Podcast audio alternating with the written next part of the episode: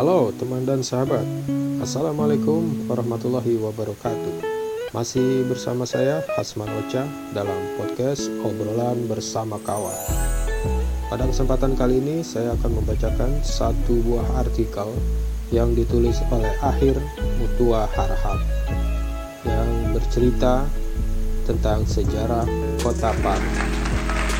Teman dan sahabat, selamat mendengarkan. Parung Sejarah Parung, distrik dan onder distrik di Depok Kota Parung adalah kota tua, kota paling besar di wilayah hulu di antara aliran sungai Tangerang atau sungai Cisadane dan daerah aliran sungai Jakarta atau sungai Ciliwung. Kota Parung berkembang dan berpusat ke benteng atau Fort Sampura di Lengkong atau kini disebut Serpong. Lalu, kota Parung dijadikan sebagai ibu kota distrik Parung. Luas distrik Parung membentang ke arah utara hingga Cinere, ke arah timur di Depok, dan ke arah selatan di Semplak, ke arah barat di Caru Bidung atau kini disebut Kecamatan Nanggung. Kini, nama Parung hanya sebatas nama kecamatan di Kabupaten Bogor. Sementara, nama kota Depok telah menjadi sebuah kota. Di masa lampau, Parung adalah ibu kota distrik sedangkan Depok baru kemudian dimekarkan menjadi distrik Parung menjadi onder distrik Depok. Kota Depok kini terdiri dari 11 kecamatan, sementara kecamatan Parung terdiri dari 9 desa, yakni Desa Iwul, Jabon Mekar, Pemagar Sari, Desa Parung, Desa Waru, Desa Waru Jaya, Bojong Sempu, Bojong Indah, dan Desa Cogrek. Seperti kata pepatah, sejarah mengikuti jalannya sendiri mengikuti perjalanan waktu. Jika jarum jam diputar kembali ke masa lampau, nama Parung adalah segalanya. Di sinilah letak keutamaan Parung di dalam sejarah. Seperti kata pepatah, garis sejarah akan berbalik menjadi ke origin. Di sinilah keutamaan prospek kota Parung di masa yang akan datang. Ibu kota negara dipindahkan ke Kalimantan Timur. Ibu kota Jawa Barat dipindahkan ke Purwakarta ibu kota Bogor dipindahkan ke Cigudeg dan Parung sendiri akan menjadi kota yang setara dengan kota Depok dan kota Tangerang Selatan. Untuk lebih memahami sejarah Parung, mari kita telusuri sumber-sumber Tempo dulu. Sumber utama yang digunakan dalam artikel ini adalah sumber primer, seperti surat kabar sejaman, foto, dan peta-peta yang ada. Sumber buku hanya digunakan sebagai pembanding, karena saya anggap buku juga merupakan hasil kompilasi atau analisis dari sumber-sumber primer. Dalam penulisan artikel ini, tidak semua sumber disebutkan lagi karena sudah disebut di artikel saya yang lain. Hanya sumber-sumber baru yang disebutkan atau sumber-sumber yang pernah ada disebutkan di artikel lain dan disebutkan kembali di artikel ini hanya untuk lebih menekankan saja. Chapter 1 Parung di Len Kauripan dan Benteng Sampurna di Len Serpong sejak era VOC. Untuk mulai memahami sejarah Parung, mulailah dari Len Kuripan, di mana ibu kota distrik Parung berada. Len Kuripan berada di hulu Sungai Tangerang atau Sungai Cisadane. Len Kuripan berada di sisi timur sungai. Sementara di sisi barat sungai adalah Len Ciampea. Terbentuknya Len Kuripan dan Len Ciampea berawal pada tahun 1710. Benteng Ciampea dibangun di pertemuan Sungai Yanten dan Sungai Cisadane. Benteng Ciampea dalam hal ini adalah benteng pendukung di wilayah hulu Benteng Sampura di Lengkong atau yang kini disebut Serpong. Pada tahun 1679, Benteng Tangerang mulai dibangun. Pada tahun 1684, kanal sungai dibangun dari Benteng Tangerang ke Pesing atau ke Batavia dan selesai pada tahun 1687. Adanya kanal ini atau disebut Kanal Mukervat lalu lintas dari Batavia ke daerah aliran Sungai Tangerang semakin lancar dan semakin intens. Para pedagang VOC atau Belanda cara perlahan merintis jalan ke wilayah hulu Sungai Tangerang atau Sungai Cisadane. Lalu Benteng Sampura di Lengkong dibangun. Wilayah ekspansi semakin meluas sehingga ke arah hulu dan kemudian Benteng Ciampea dibangun pada tahun 1710. Sejak adanya benteng-benteng ini, secara bertahap arus perdagangan semakin intens di tempat-tempat di mana kelak terbentuk lan-lan baru seperti lan Kuripan, lan Ciampea. Dengan demikian, Parung adalah bagian daripada sejarah. Nama-nama tempat di mana aliran sungai seperti Tangerang atau Sungai Cisadane jauh sebelum perdagangan berkembang di mana kelak terbentuk land bubur atau pusat kota yang sekarang. Sementara itu, pengembangan wilayah juga berlangsung di daerah aliran Sungai Ciliwung, mulai dari Batavia hingga kaki Gunung Salak. Pengembangan wilayah di daerah aliran Sungai Tangerang atau Sungai Cisadane hanya terbatas ke sisi timur sungai, karena wilayah barat sungai adalah wilayah Kesultanan Banten.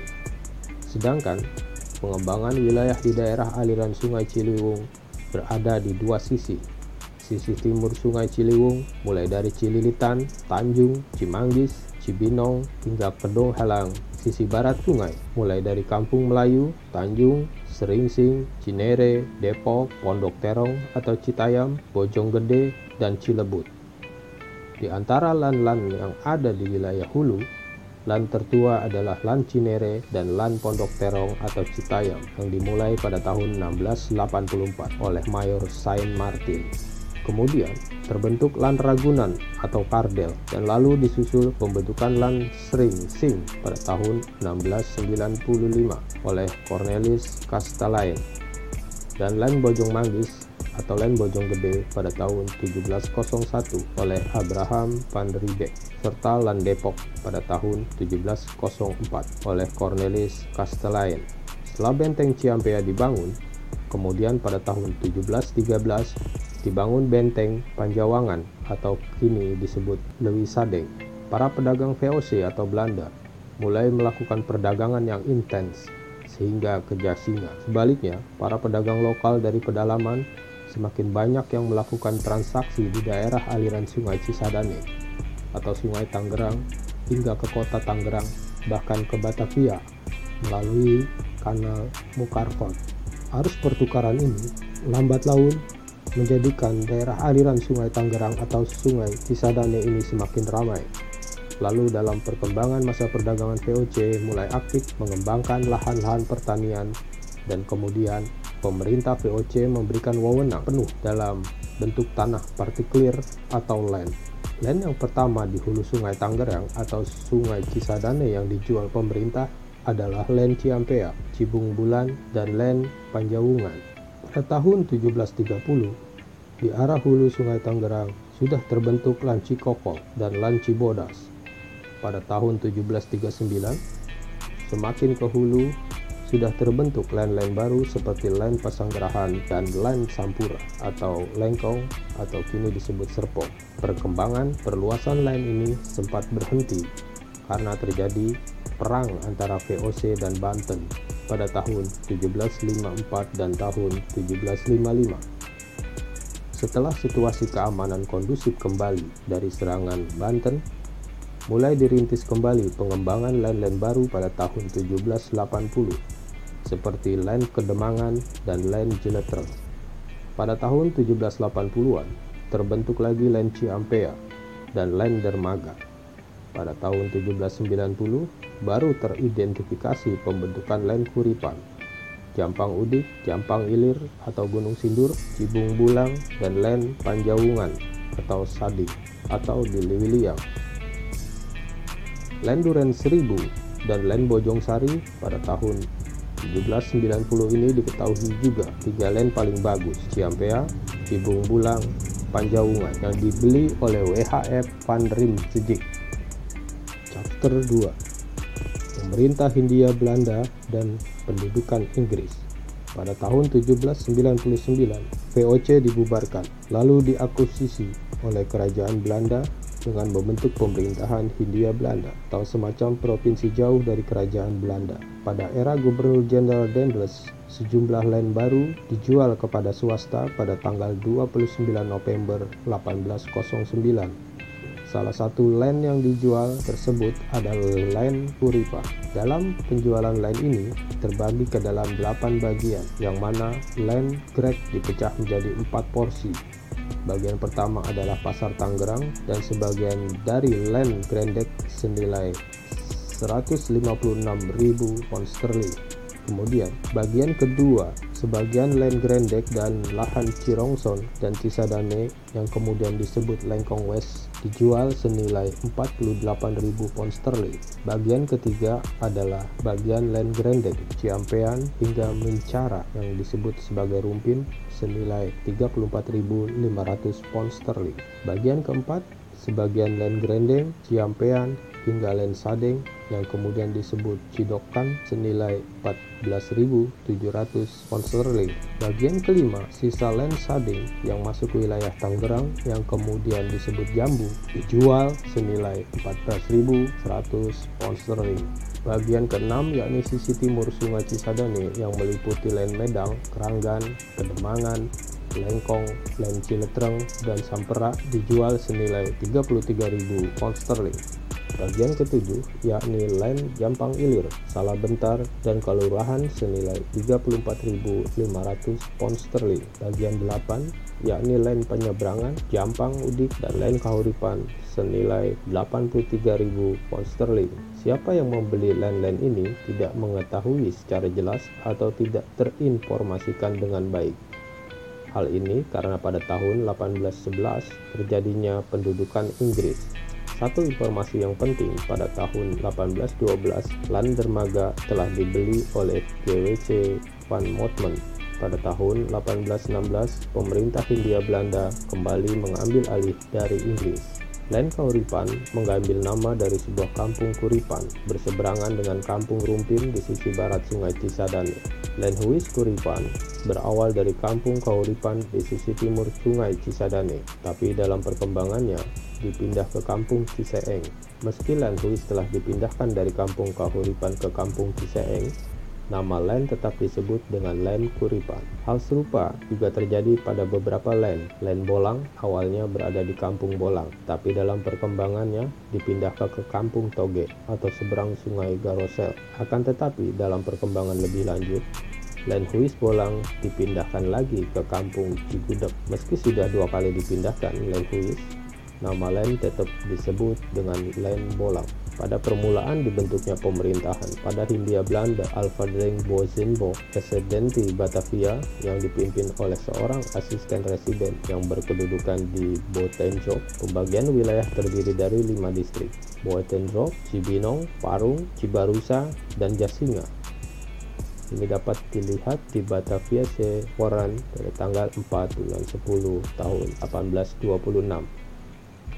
Ibu kota distrik Parung berada di Kampung Parung atau di Lan Kuripan. Parung sendiri bukanlah nama Lan, tetapi nama kampung di dalam Lan Kauripan. Sedangkan nama Cibinong, Cibarusa, dan Jasinga adalah nama lain.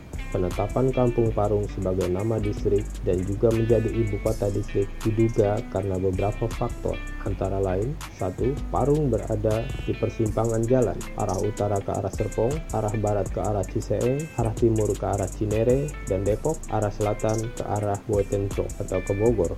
Yang kedua, Kampung Parung adalah kampung yang terbilang besar dan banyak penduduknya. Yang ketiga, Kampung Parung berada di antara sejumlah lain yang berdekatan dengan lain Kuripan, Bojong Sari atau Sawangan, Citayam, Bojong Gede, dan Jampang Ilir atau Gunung Sindur, serta Rumpin. Alasan yang keempat adalah boleh jadi karena faktor pemilikan dari lain Kuripan. Sudah sejak lama, sejumlah pemilik land diberi izin untuk membangun pasar. Pada tahun 1829, terdata sebanyak 28 pasar yang ada di residensi Batavia. Selain pasar Valvetraden atau pasar Senen dan pasar baru, pasar Tanabang, pasar Mester, serta pasar Boitenzo termasuk di dalamnya pasar Bekasi, pasar Tangerang, pasar Cibinong. Ke dalam daftar pasar ini juga terdapat pasar Bolang, pasar Ciampea, pasar Sading atau Lewiliang, pasar Parung Panjang, pasar Duren Baru atau di Pondok Terong dan Citayam, serta Pasar Paru. Setelah terbentuk pusat pemerintah atau ibu kota distrik dan pusat perekonomian pada tahun 1939, pemerintah menetapkan jaringan jalan yang didasarkan kepada kelas jalan. Ini dapat dilihat dari Japase Koran pada tanggal 30 bulan 1 tahun 1836.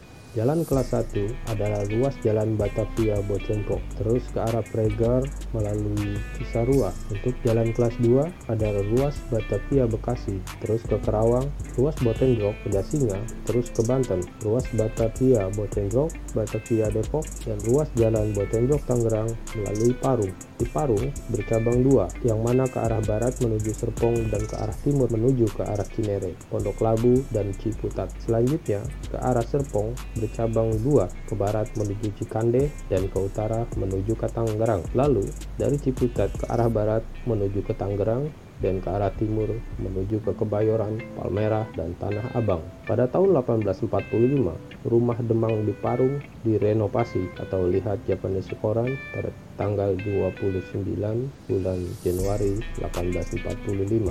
Distrik Parung sebagai salah satu kesatuan wilayah di sisi barat Sungai Ciliwung terdiri dari 30 lain. Jumlah penduduknya sebanyak 12.000 jiwa termasuk di dalamnya 3.000 jiwa warga Tionghoa dapat dilihat di Batavia and Helblad pada tanggal 13 bulan 10 tahun 1870. Sementara populasi keseluruhan Botenjok adalah 400.000 penduduk asli di antaranya 350 jiwa adalah Kristen di Depok, 13.000 orang Tionghoa, dan 1.000 orang Eropa. Setelah beberapa dasawarsa pada tahun 1879, sebagian land yang berada di distrik Parung seperti Ciampea dan Cibung Bulang dan sebagian wilayah distrik Jasinga seperti Sading Jambu dan Curug Bitung dipisahkan dan kemudian disatukan dengan bentuk distrik yang baru yakni distrik Lewiliang. Pada tahun 1808, dari lima distrik distrik yang ada, Botenjok, Cibinong, Parung, Cibarusa, dan Lewiliang, dibentuk Onder District yang dikepalai oleh seorang asisten Demang. Onder District yang baru tersebut adalah Botenjok, Kedung Badak, Ciawi, Depok, Rumpin, Parung Panjang, Cimanggis, Cilengsi, dan Jonggol. Ini dapat dilihat di Head Noise van den Dakol, Nederland, Indi pada tanggal 29 Januari 1908 untuk membantu asisten residen yang berkependudukan di Botenjok di angka controller yang berkedudukan di Botenjok, Citerep, dan Lewilia. Under Distrik Depok berada di bawah Distrik Paru. Sumber artikel ini didapat dari website https tahadepok.blogspot.com. Terima kasih yang sebesarnya kepada Akhir Matua Harahap, penulis artikel di blog sahadepok.blogspot.com. Beliau adalah seorang warga Depok sejak tahun 1999 hingga hari ini dan pernah menjadi warga kota Bogor pada tahun 1983 hingga 1991 dan sebagai warga Jakarta Pusat juga dari tahun 1991 hingga 1999. Di samping pekerjaan beliau sebagai dosen dan peneliti di Fakultas Ekonomi dan Bisnis Universitas Indonesia. Terima kasih telah memperkenalkan Parung kepada kami untuk lebih jauh ke masa jayanya.